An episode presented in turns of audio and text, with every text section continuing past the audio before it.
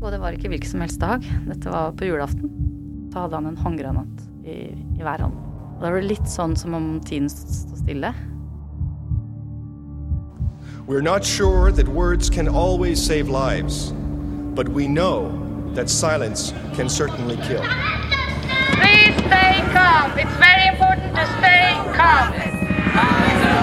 Det er derfor vi andre må rope så jævlig høyt!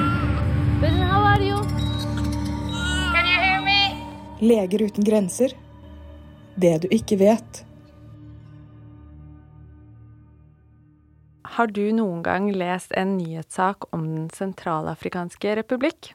Hvis jeg skulle fortelle deg om dette landet basert på det jeg har lest i mediene, så ville jeg nok hatt ganske lite å fortelle deg, nettopp fordi det er veldig sjelden jeg tilfeldigvis kommer over eh, saker om, eh, om dette landet. Men om jeg gjør et aktivt søk, så kommer det nok opp noen saker. Og mange av de handler om ekstrem vold, om eh, macheter, avkappede kroppsdeler, og vi leser også ord som folkemord.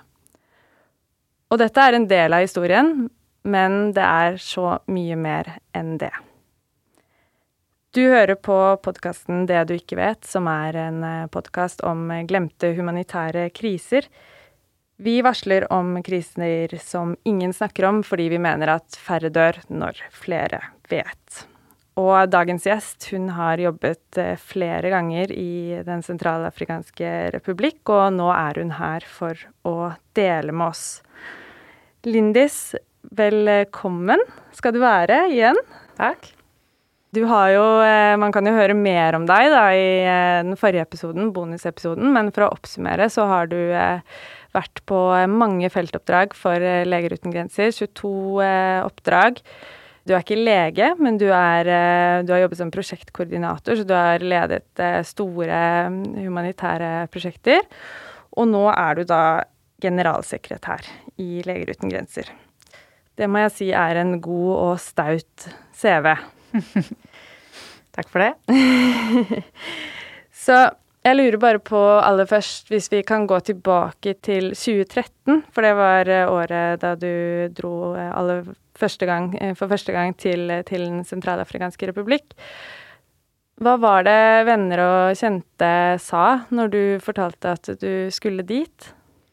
Jeg fikk høre flere ganger Ja, jeg skjønner at du skal til Sentral-Afrika, men til hvilket land? Ja. Og det er jo ikke fordi vennene mine er idioter, det er jo fordi de aldri har hørt om, lest om, blitt fortalt om det landet. Um, og da vet man jo ikke det, at det fins et land som, som, heter det. Som, som bærer sitt navn uh, med rette, for det ligger meget sentralt på det afrikanske kontinent. Uh, uten uh, Det er landlocked, som det heter. Det har ikke noe kyst. Så det er et land, et veldig stort land, mye større enn Norge i areal, men nå har ca. like mange innbyggere. Selv om det er lenge siden siste offisielle folketelling, så er det et sted mellom fem og seks millioner innbyggere. Mm. Ja, hvis vi bare skal snakke litt mer om, eh, før vi går videre og hører historiene da, som du har derfra, hvis vi skal få litt kjøtt på bena og, og vite hvilket land vi snakker om. Eh, hvordan er eh, f.eks. Tilgangen til helsehjelp i det landet? Den er jo svært dårlig. Eh, så dårlig at i deler av landet så finnes det ikke tilgang til helsehjelp hvis du blir syk. Så det er altså sånn at hvis man blir syk og reiser ned til sykehuset, så er det ingen der. Hvis det i det hele tatt er et sykehus. Det er jo vanskelig for oss å sette seg inn i at det er mulig, men, men sånn er det. Og det er derfor Leger uten grenser har vært i det landet i flere tiår. Mm. Det er Det er vel ikke helt offisielle tall, men jeg tror det ligger rundt 250, det er i hvert fall under 300 leger i hele landet. Til sammenligning så i Norge så er det vel rundt 30 000 leger for like mange innbyggere. Og nå som vi har snakket veldig mye om respiratorer og intensivbehandling her hjemme de siste, mm. siste åra, så har Det offisielle er i hvert fall at de har tre respiratorer Jeg ville egentlig sagt Jeg ville trodd at det egentlig var null. Jeg har jo jobba og vært og besøkt flere sykehus, og jeg har aldri sett en respirator eller en eh, oppegående, velfungerende intensivavdeling, mm. med mindre den har blitt drevet av en hjelpeorganisasjon som, som Leger uten grenser. Hvis vi bare også skal ta noen eh, andre grunnleggende fakta. Historien annet. Det var en fransk koloni sant, frem til 1960. Og hva er det som har vært situasjonen i landet siden 2013 f.eks.? Eller hva var grunnen til at du reiste ned dit da? Ja, eller, eller altså fra de fikk, ble selvstendige, da, etter at kolonitida tok slutt, så har de jo strevd med siden da med å få opp et en velfungerende stat, sånn som vi tenker på en velfungerende stat, med infrastruktur og demokratiske valg og eh, alt, som, alt som vi har, tar for gitt her i Norge. Og har hatt mye vanstyre. Flere diktatorer som har avløst den ene etter den andre. Så er det jo sånn som i de fleste tidligere koloniland, at eh, den kolonimakta fortsetter jo å være der uh, uformelt eller formelt på forskjellige måter og ha en slags klam hånd uh, over der med både politiske og økonomiske interesser. Så det er derfor vi har vært der også lenge før krigen brøt ut, fordi da spesielt helsesystemet har hatt store vansker med å, å bli så velutbygd som, som, det bør være. Så det er et land og et folk som har, eh, har strevd med å komme seg sånn ordentlig på fote. Men de har aldri hatt krig. Hadde levd eh, sammen eh, i fred og fordragelighet på tvers av religion og etnisitet. Men det tok da dessverre slutt i 2013. Da det brøt ut krig. Det jeg skal ikke lage dette inn til en sånn geopolitisk eh, eller historisk eh, historietime om Den sentralafrikanske republikk, men sånn eh, litt tabloid fortalt, da, så er det, ble det den gang en, en raskt en, en, veldig vond og voldsom eh, krig mellom to folkegrupper. Mellom den muslimske befolkningen og den kristne befolkningen. Og det var ikke en religionskrig. Det er fortsatt konflikt i det landet, og det er fortsatt ikke Eh, en religionskonflikt.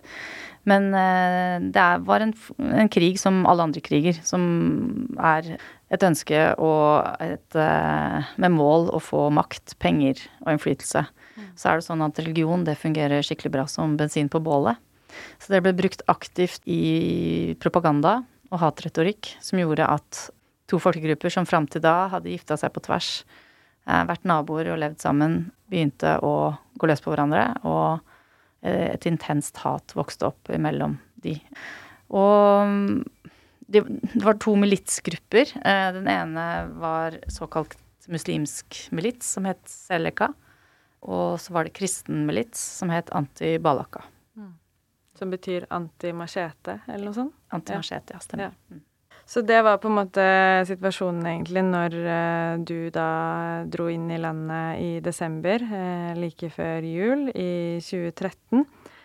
Og snakker, vi snakker jo om at dette er et uh, glemt land, men det at det også er et glemt folk, det var vel noe som ble ganske tydelig for deg med en gang du landa da i hovedstaden i Bangui, ikke sant? Kan du fortelle litt om hva, hva som møtte deg der?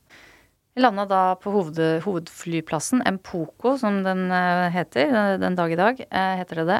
Og det som møtte meg utafor det lille vinduet på, i det setet jeg satt, var et helt absurd syn. For det var tusenvis av mennesker som bodde rett inntil rullebanen. Uh, rett på bakken. Så jeg skjønte jo med en gang at det var her jeg skulle hjelpe til. Um, og det er, det er en, eh, en, flyktningleir som verden aldri har sett på den måten. Jeg hadde jobba i, i flyktningleir både før og har gjort det etterpå, men aldri sett noe lignende. fordi det var da altså Etter hvert var det 100 000, rundt 100 000 mennesker som da hadde bosatt seg der. Hvorfor i all verden det? Det var fordi eh, flyplassen ble passa på av eh, franske spesialsoldater. Tungt, tungt bevæpna. Husker jeg så de da jeg gikk ut av flyet. Dette var første gangen jeg kom til et land i aktiv krig. Eh, veldig spesielt. Og, og de passa på flyplassen. De passa ikke på de menneskene som hadde bosatt seg der i utgangspunktet. Og de passa på at den flyplassen da helst skulle forbli åpen, fordi eh, Frankrike da har eh, økonomiske og politiske interesser av at den fly fortsatt kunne komme og ta av. Og så, også for all del for å få inn hjelp, da. Og det stemte, det. At var, de var tryggere jo nærmere de var disse spesialstyrkene og den flyplassen. I, så lenge den flyktningleiren eksisterte, så var, så var, det aldri angrep, store angrep eh, direkte mot den befolkningen. Så der bodde de. Og prøvde å overleve der, eh, men hadde da bare fått med seg det de greide å bære med seg. Eh, så det er jo som om eh, hvis det brøt ut eh, Jeg tror det bor rundt 100 000 i Drammen, f.eks. Så la oss si det bryter ut krig der i morgen, da. Så tar alle i Drammen eh, og løper så fort de kan, bokstavelig talt for livet, for det var, er kamper i Drammen. Tar med seg unga sine på ryggen, kopper og kar, det de får med seg, og løper til Torp, som vel er nærmeste, selv om det er faktisk det er litt lenger unna enn en denne flyplassen, men det er jo nærme. Og bosetter seg på rullebanen der. For det er akkurat det som skjedde. Og når du bor sånn, så trenger du jo alt som vi mennesker trenger for de mest sånn grunnleggende behov. Du trenger eh, å gå på do, du trenger å vaske deg, du trenger å spise, og du trenger å dra til en lege hvis du blir sjuk. Og det var ingen andre hjelpeorganisasjoner til stede i den leiren i de seks første ukene jeg var der, bortsett fra Leger uten grenser. Og vi greier ikke å dekke alle de eh, behovene, men vi gjorde så godt vi kunne. Og tok jo først og fremst eh, vare på de som var sjuke, men fikk også etter hvert inn rent vann og fikk mast inn og var sinna og forbanna og varsla om at eh, nå må flere komme til å hjelpe. Eh, de andre organisasjonene, som alle var til stede, turte da ikke seks første ukene å arbeide der daglig, sånn som vi gjorde. Mente at det var for høy risiko. Og det er helt riktig at det var forbundet med risiko, men hvis man er en humanitær organisasjon som, er, som har som mandat å jobbe i akutte kriser, også konfliktsituasjoner, så må vi altså være villige til å ta en kalkulert risiko hvis vi samtidig kan få hjelp av mange mennesker. Og vi vet jo også, og det har jeg erfart personlig mange ganger, at risikoen blir større hvis du ikke hjelper. Men hvis du faktisk gjør noe, walk the talk, og, og, og bidrar og gir hjelp, så vil det veldig ofte redusere noe av risikoen, fordi eh, det er også i alles interesse, også de som bærer våpen, at du faktisk er der og får gitt den hjelpa. Så, så det var tungt. Det var selvfølgelig aller mest tungt for de som bodde på den leiren, men det var også veldig tungt for meg og, og mitt team å prøve å dra det lasset for alle de menneskene aleine. Vi snakket jo også for, i forrige episode om, om å, å bli sint og, eller forbanna, egentlig, i felt. At du har blitt det flere ganger, og det ble du vel eh, akkurat der. Vi har eh, faktisk et lite klipp eh, fra du står i, i den, denne flyktningleiren og snakker med en fransk TV-stasjon. Snakker på fransk. Man kan høre at du er ganske sint. Vi skal høre på det klippet. On essaie de faire de notre mieux, mais on est débordé. On s'en sort pas tout seul. Il faut, faut venir nous aider là. Ils sont où les autres Je comprends pas. On est juste à côté de l'aéroport. C'est pas comme si on peut ignorer cette. Enfin, on sait qu'ils sont là quand même. C'est l'aéroport de la capitale. Ja, hva er det du sier for noe eh, her, Lindis? Jeg, jeg sier, jeg spør hvorfor i all verden eh, Hvor er alle sammen? Eh, hvorfor er de ikke her? Eh, dette er eh, Dette er landets hovedflyplass. Det er jo ikke som om folk ikke veit de er her. Noen ganger i andre flyktningsituasjoner så kan man kanskje si at det er veldig vanskelig å komme seg dit. Eh, og man ikke tar litt tid før man vet at flyktninger faktisk har kommet til et område fordi det ikke eh, det er vanskelig tilgjengelig. Her var det virkelig ingen unnskyldning. Mm. Det var rett og slett å ta til høyre når de gikk ut av fly eh, og begynne å hjelpe, istedenfor å ta til venstre og sette seg i en bil og kjøre inn på eh, kontorene med aircondition, som altfor mange gjorde. Ja, ikke sant. Og som du eh, allerede har vært inne på, så ble jo arbeidsstedet ditt eh, denne flyktningleiren, som ligger da på flyplassen. Hva var det dere gjorde der, du og, teamet, teamet, ditt, og hva slags behov var det? Mm. Jeg var på det tidspunktet eh, med i en det, Vi har et beredskapsteam, et uh, spesifikt beredskapsteam i Leger uten grenser, som er da en gruppe av veldig erfarne hjelpearbeidere som er villige til å reise ut på 24 timers varsel når noe akutt skjer. Og det betyr også at vi har erfaring med, med hva som trengs å gjøre evaluering av situasjonen, eller assessment, som vi sier på engelsk. Så det første vi gjør, alltid, overalt hvor vi kommer, det er å da ta til høyre når du kommer ut av det fly, eh, og gå og snakke med de som eh, er ramma. Det er jo ikke sånn at de eh, sitter med arma i kors og venter på at vi skal komme og hjelpe dem. De som hjelper først, alltid, er de som er ramma. Og så kommer vi til som en ekstra ressurs med vår kompetanse og, og midler. Og noen ganger så, så, kan det ta litt tid å finne ut hvordan vi best kan hjelpe fordi som er mest sårbare. Det er ikke alltid like innlysende. I dette tilfellet var det veldig, veldig lett. Når du har så mange mennesker som da uh, igjen bor rett på bakken uten noen ting, Og som også da har opplevd forferdelige ting. Mange hadde jo flykta fra og sett eh, familiemedlemmer bli drept. Eh, det var jo en veldig kritisk situasjon. Så er det egentlig bare å ringe tilbake til hovedkontoret og trykke på eh, den store røde knappen og si at eh, her trenger vi mye hjelp. Eh, og vi, vi, vet hva vi trenger da. 100 000 mennesker som bor sånn. Da trenger du å sette opp en klinikk. Eh, du trenger å gjøre kirurgi for krigsskade. Du trenger å sørge for at kvinner får føde trygt. Og vi trenger også å vaksinere barn mot meslinger, helt sikkert. Så, så ja, selvfølgelig eh, snakka jeg med de som bodde der, og hørte på deres historier og ble kjent med de, og også ansatte da umiddelbart veldig mange av de som selv bodde i den leiren, for vi trenger jo folk til å hjelpe oss med med arbeidet vårt. Um, så, så, de fortalte sine historier, men, men, igjen, i denne situasjonen så visste vi at det var massivt med hjelp som trengtes umiddelbart. Og da kommer det, når jeg da gjør en sånn kjapp evaluering og ringer tilbake til hovedkontoret, så kommer det eh, et cargofly da 72 timer etterpå, maks, eh, med, med første lass av det vi trenger. Mm. Til å gjøre alle de tingene som du nevnte der. Ja. Er, uh, det er mulig å komme til, men ja. Uh, ja. Fordi akkurat det har vi blitt gode på i løpet av de 50 åra vi holdt på med. Det var jo ikke sånn når vi starta, men vi har blitt gode på, på logistikk og forsyningslinjer. Og vi har store lagre hvor ting er ferdigpakka. Så det, det, som kommer ut av flyet da, det er noen svære bokser. Så står det på dem meslingvaksine for 10 000 barn. Og så har du alt du trenger oppi den esken, som gjør det veldig effektivt.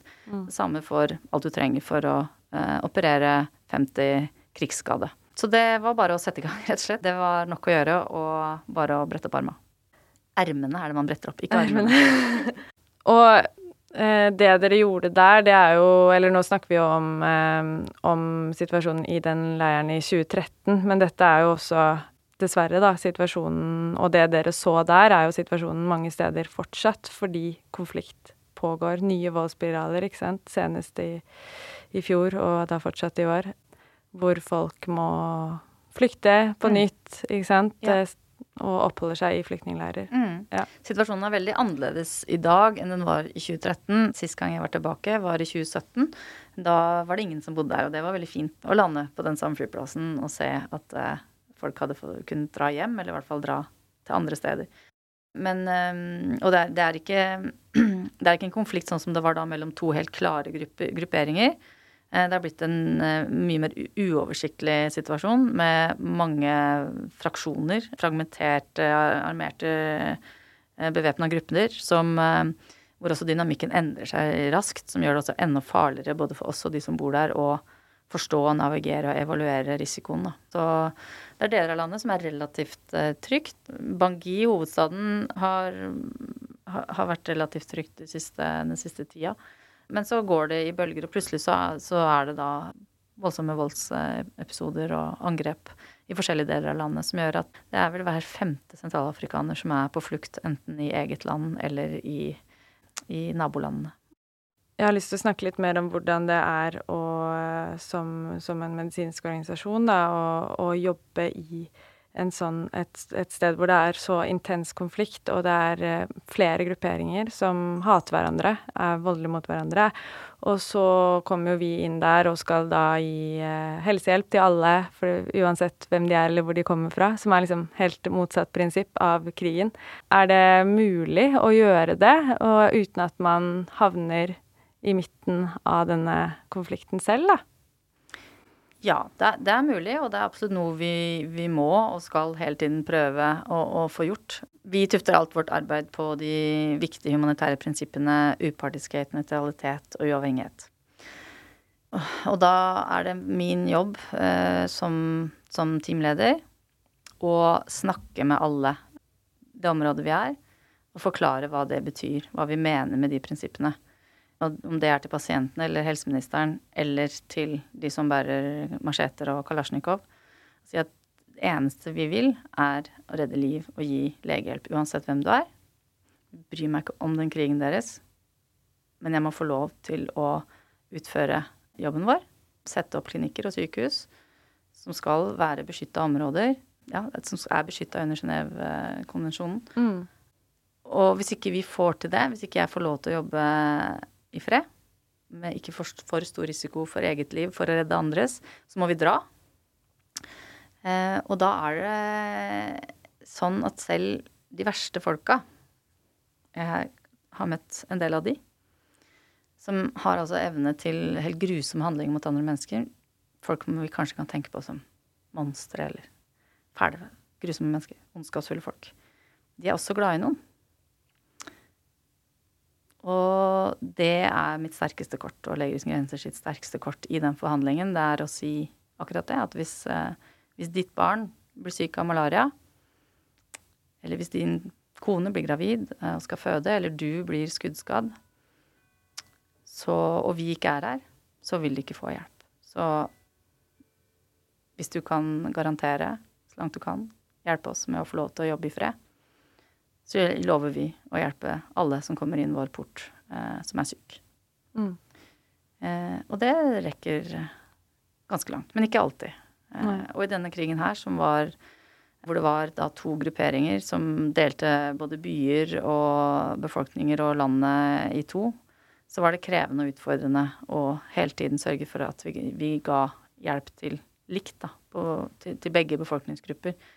Eh, for det er viktig En ting er at jeg sier det, men enda viktigere er at, vi, at, jeg gjør det jeg sier. Vi må walk the talk. Så hvis jeg sier at jeg ikke bryr meg om krigen, sier at vi er nøytrale, upartiske, uavhengige, men så ser de at vi f.eks. gir bare helsehjelp til den kristne befolkningen, mm. eller at vi gir bedre helsehjelp til den muslimske befolkningen, så vil de jo si det stemmer jo ikke det du sier. Du bryr deg, du har jo tatt side. Eh, og, og, da øker risikoen for at de også angriper oss. Mm. Og det var vel eh, nettopp en gang at eh, volden og våpnene flytta seg inn på innsiden av klinikken. Også. Ja, det stemmer. Eh, denne, denne flyplassen eh, og leiren lå jo nærme eh, hovedstaden, så vi hørte eh, aktive kamper, gatekamper og granater nærmest daglig. Og vi fikk alvorlig skadde inn i leiren. Men veldig lenge så følte vi oss relativt trygge i den leiren. Kampene kom aldri dit. Så var det en dag, og det var ikke hvilken som helst dag, dette var på julaften, 24. desember. Så er jeg da på denne lille klinikken vi hadde fått opp, og hører oppstyr og skrik og skrål bak meg. Snur meg og ser at det eh, er en mann som står i inngang, inngangen til, eh, til, det ene rommet. Han var høy, tynn og hadde sånn, sånn svært rasta hår, og så hadde han en håndgranat i, i hver hånd. Og da var det litt sånn som om tiden sto stille. At det frøys.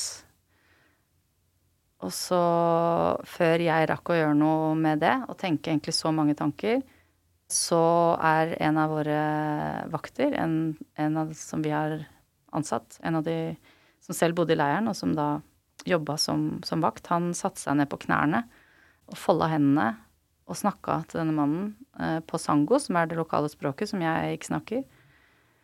Og det fungerte heldigvis, fordi istedenfor å slippe de granatene, så snudde han og gikk. Og hvis han ikke hadde gjort det, så hadde jo ikke jeg sittet her i dag.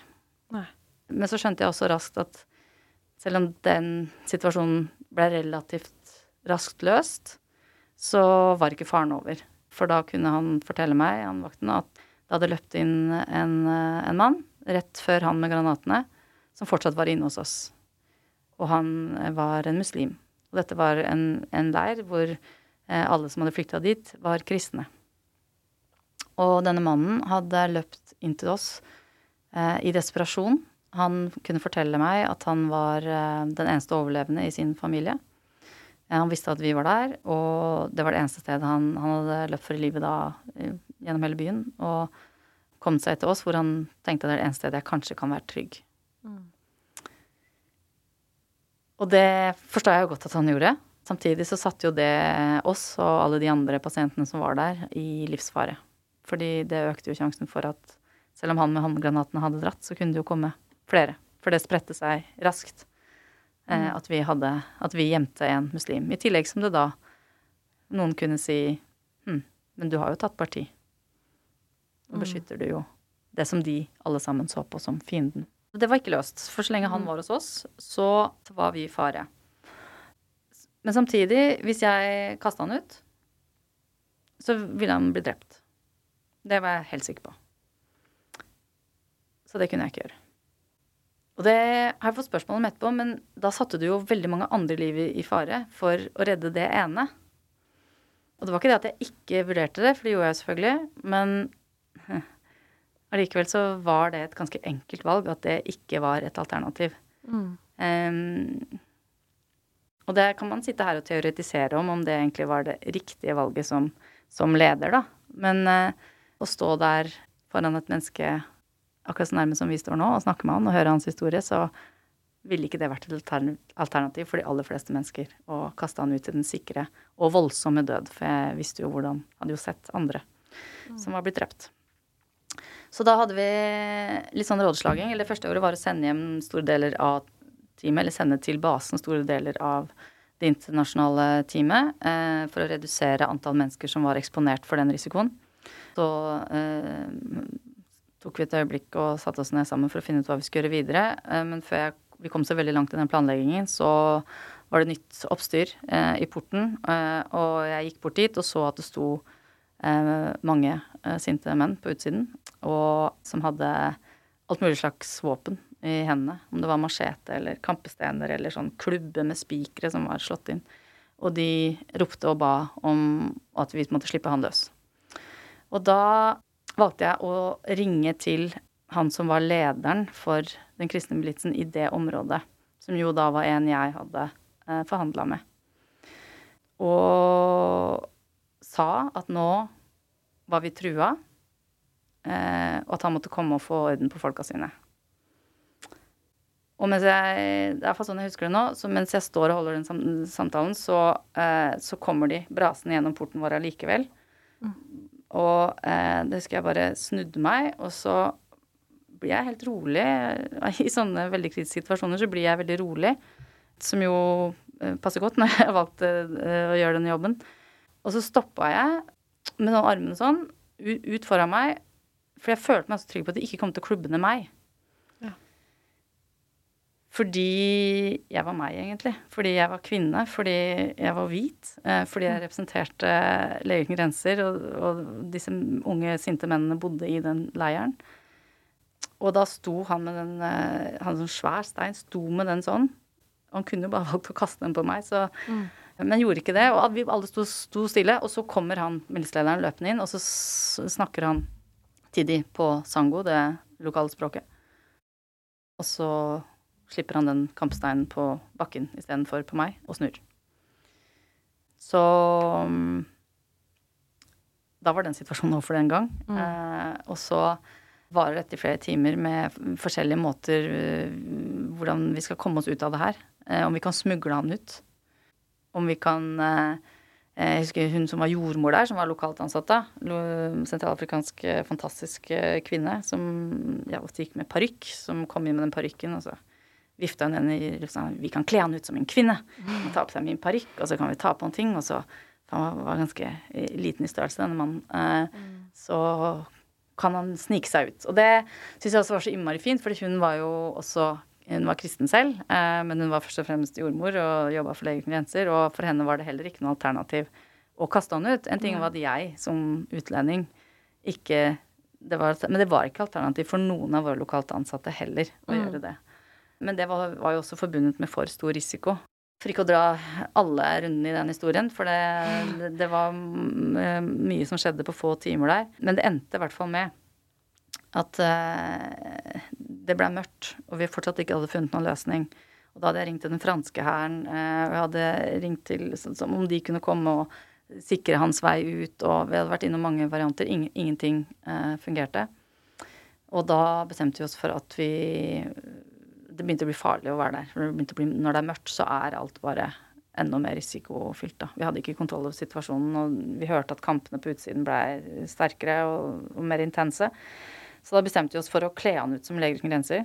Vi tok på han en Leger uten grenser-T-skjorte, og så sa vi til han nå heter du Albert, som er ikke et muslimsk navn, mm. hvis noen spør deg, eh, og du er vakt for Leger uten grenser, og nå går vi. Og så gikk vi tvers igjennom flyktningleiren til flyplassen, over det piggtrådgjerdet, inn til der hvor de spesialsoldatene til eh, den franske hæren var. Og det var det som å komme over sånn et nytt spill. Sånn hvis han sitter og spiller dataspill, og så har man liksom greid én Ja, eh, Et level, da. ja. Eh, For det har vært mange Vi, hadde spilt mye forskjellige, forskjellige strategier opp Ja. der. Og så kom vi liksom over i nytt level, og så ha. Og der var det trygt, da. Som var helt sånn Ja, for det var, det var egentlig bare å gå, og så gå over det gjerdet. Men jeg tror ikke vi hadde lykkes med det hvis det var lyst, for da hadde de nok kjent han igjen, sant. Mm. Absolutt forbundet med risiko, for hvis de hadde sett at vi smugla ut en muslim, igjen så ville jo vi da kunne bli beskyldt for at vi tok parti, eh, og ikke minst så ville han helt sikkert blitt angrepet. Um, og det endte da med at vi eh, tilbrakte julaften eh, natt til første juledag alle sammen. Eller vi var vel en, husker jeg på stykken, rundt fem kollegaer, pluss da Al Albert, eh, som sov i den franske militærleiren eh, den natta. Og det er ikke noe legekvinenser verken skal eller bør gjøre. Eh, men eh, har man ikke noe valg, så har man ikke noe valg. Han må ha vært eh, veldig redd, da. Helt Han alene. var- ja. Så livredd. Ja. Men han slappa etter hvert av, husker jeg, vi, på natta der. Når vi, Mm. For disse franske soldatene kom etter hvert med rødvin og, Mm. og svinesteik, eller hva det var. sånn julemiddag. Som vi alle sammen forsynte, forsynte oss av, også Albert. Og da sovna han. Og Mm. morgenen etter så kjørte vi han eh, veldig tidlig ned i vår bil. Eh, uten at noen så det at han satt i den bilen. Ned til elva som skiller Den sentralafrikanske republikk og Kongo. Og så tok han en båt til andre sida. Det er jo sånn at når vi hører eh, disse historiene og historier om, eh, om ekstrem vold, så kan man fort kjenne på en avstand, og at eh, oi, dette her er veldig annerledes. Der man får veldig dette skillet, da, mellom de i gåsetegn og, og oss. Og nettopp derfor så er jo du mm, også veldig opptatt av å fortelle de andre historiene. Og også fordi du har jo også blitt veldig glad i mange mennesker der, og ikke sant, alt dette her. Hva er det disse andre historiene går ut på? Ja, takk som spør. det er ikke så ofte jeg får lov til, eller får plass til, eh, å fortelle den, den siden av historien. Eh, hvis jeg har bare noen minutter på Morgennytt, eller eh, liksom, Og det er jo ofte det. Eh, jeg er jo ofte min rolle også, da, fortelle om det som ikke går bra, og om de lidelsene og den urett vi ser. Men hvis vi bare forteller det, så, så blir det også helt feil. For det tror jeg, som du sier, skaper veldig avstand. Jeg husker da jeg kom hjem derfra første gangen, så fortalte jeg nettopp om det. Jeg var veldig prega av den volden og ondskapen, jeg kan ikke kalle det noe annet enn det, som jeg hadde sett. Og fortalte om groteske ting jeg hadde vært vitne til da. Eh, Og det ble jo slått opp eh, fordi det var sensasjonelt og oppsiktsvekkende. Men jeg angrer egentlig på at jeg fortalte det, fordi det ble jo litt sånn klikk, klikkbeit. Eh, At det er historier som leses med åpen munn og ikke åpent hjerte, som er det som kanskje kommer høyest opp eh, i feeden, da. Um, og da sa jo også folk til meg sånn altså, altså, det der er jo helt vilt. Det der eh, De er helt gærne der nede i Afrika. Løper rundt med macheter og kapper hender og hoder av hverandre. Det kunne jo aldri vi gjort. Var det flere som sa til meg, og det har jeg jo tenkt mye på. Tenkte mye på da. Veldig mye på. Og jeg har kommet fram til at det er jeg helt sikker på at det kunne vi også gjort under gitte omstendigheter. Det oppdraget um, flytta så mye på perspektivet mitt. Ethvert oppdrag med Leger uten gjør det litt. Men det her lærte meg noe nytt og forandra meg nok litt som menneske. Jeg har lest veldig mye om ondskap og hat etterpå og har kommet fram til at det jeg er redd for hos den andre, det er jeg bærer av selv. For ofte så er, vi opptatt, er vi opptatt av å si ja, men de, de, de andre er også eh, greie. Det er også viktig å si. Men jeg tror det er vel så viktig å si at vi også kan være slemme sjøl. At det, ondskap er ikke noe som andre holder på med. Eh, ondskap er ikke bare den sånn eh, skrekkfilmondskapen. Jeg tror vi alle mennesker, også du og jeg, har evne til eh, både stor kjærlighet, men også evne til, eh, til ondskap. For også helt enkle, små hverdagslige handlinger kan være ondskapsfulle. Ikke bare å løpe rundt med machete der og mobbe på ungdomsskolen eller eh, sparke til en kopp til en tigger en fredagskveld eller det, er mange ting, store og små ting, da. Så vi, det er viktig, har jeg kommet fram til, å, å innse det. Og jeg innser i hvert fall det. Og at jeg kunne nok også ha gjort helt forferdelige ting mot andre mennesker hvis jeg levde sånn som de gjorde, de menneskene jeg møtte i Den sentralafrikanske republikk, og var utsatt for, for handlinger, og ikke minst da prega av eh, hatretorikk og propaganda. Ord er ikke bare ord. Før handlingen kommer alltid ordet. Så det er jeg opptatt av. Mm. De som sitter og hører på nå, det kan det være at de tenker på Sentralafrikansk republikk. Der er det nok eh, veldig goldt og mørkt og fælt. Eh, og alle sitter rundt og er, er livredde hele tiden. Altså, kan jeg tenke meg, da. Det, jeg, tror kanskje jeg tenkte litt det selv før, før jeg dro dit første gangen. Og så er jo det så langt fra sannheten som det kan være, komme. Det er et utrolig vakkert land. Det er veldig frodig.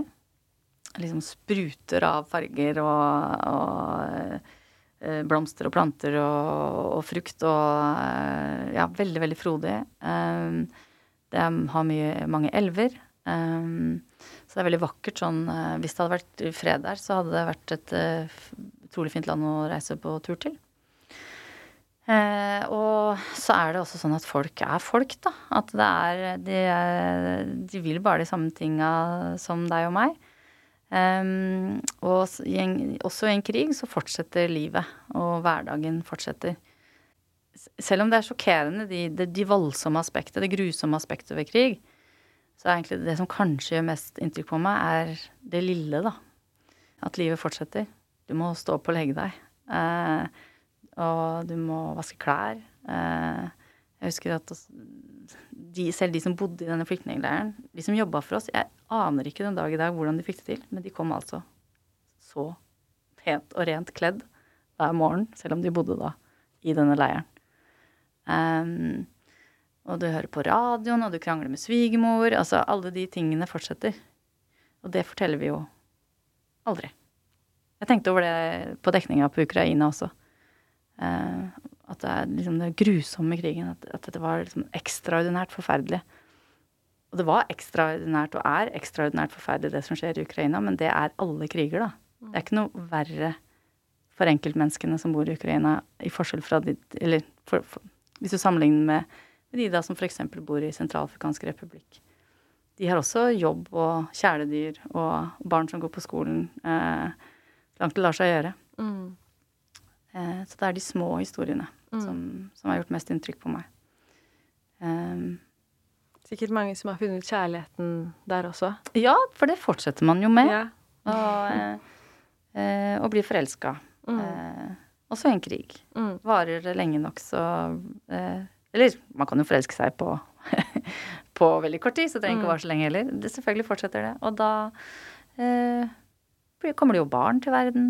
Mm. Um, eh, og de første ukene jeg var eh, på den leiren, da, i fly- flyktningleiren, så ved flyplassen så var det, hadde vi veldig mange fødsler. Eh, det var jo også da noen som fødte litt for tidlig, fordi det kom jo mer sånn av sjokket, da.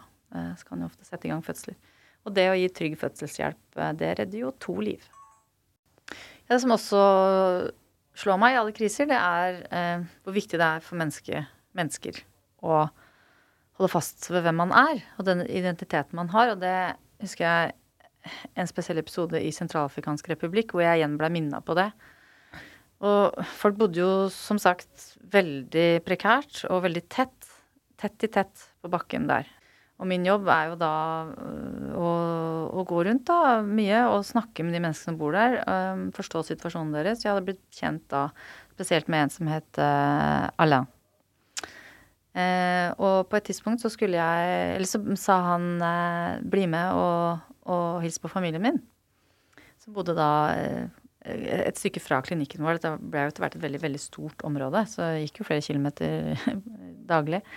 For å komme fram dit så måtte vi da snikle oss gjennom folk, og vanskelig for ikke å tråkke på noen, for så tett bodde folk.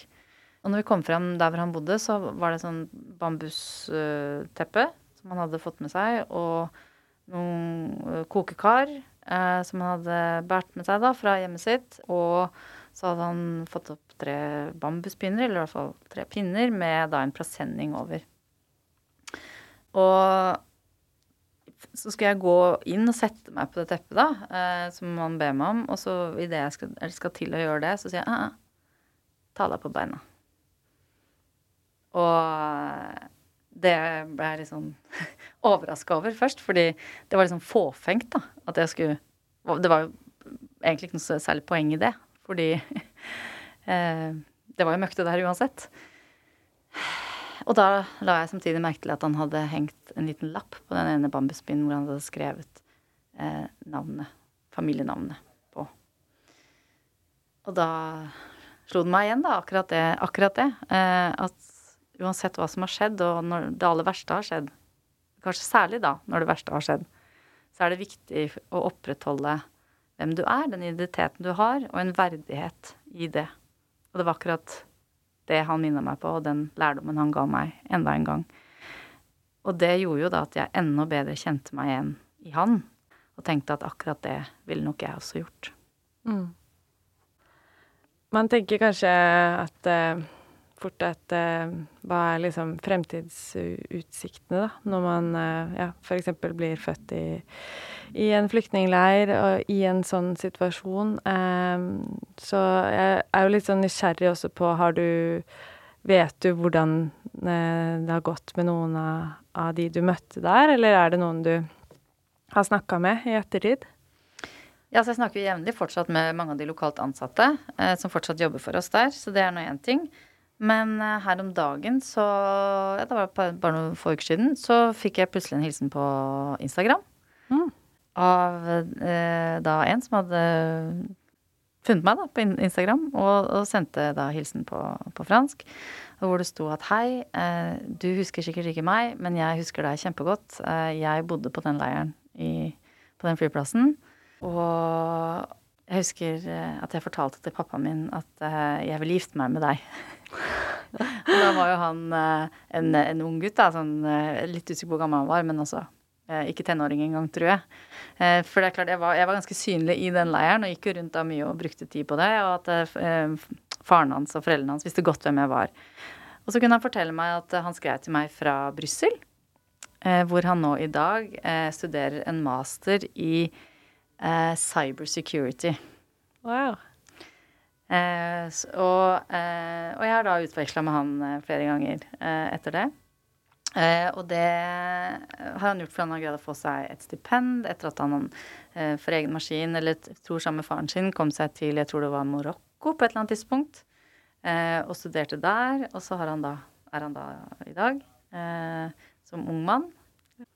Frisk og trygg. I ferd med å skape seg en fremtid. Eh, og det er jo kanskje ikke det første jeg ville tenkt på. At uh, folk jeg har møtt, studerer cybersecurity i Brussel. Så det jeg er også fordommer på det, på en måte. Mm. Um, og nå sist, det var faktisk i går, så fikk jeg melding om at han kunne fortelle at han hadde vært hjemme i Bangui i sommer. Og hadde da fortalt sin far at han hadde kommet i kontakt med meg og skulle hilse så mye.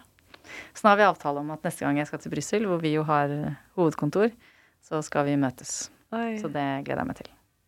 Herlighet. Det var en veldig fin historie, da. Tusen takk, eh, Lindis, for at du kom hit og delte dine historier. Nå vet vi jo da en hel del mer, og det har vi lært at det er, eh, kan faktisk gjøre en forskjell.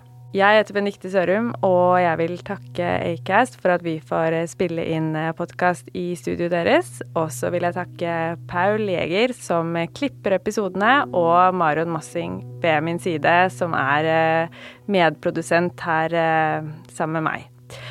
Og neste gang så skal vi til eh, Bangladesh og høre om et folk som fikk litt oppmerksomhet for sånn fem år siden. Før det ble helt stille, og så ble de helt, helt glemt. Og det er da rohingyaene. Vi høres.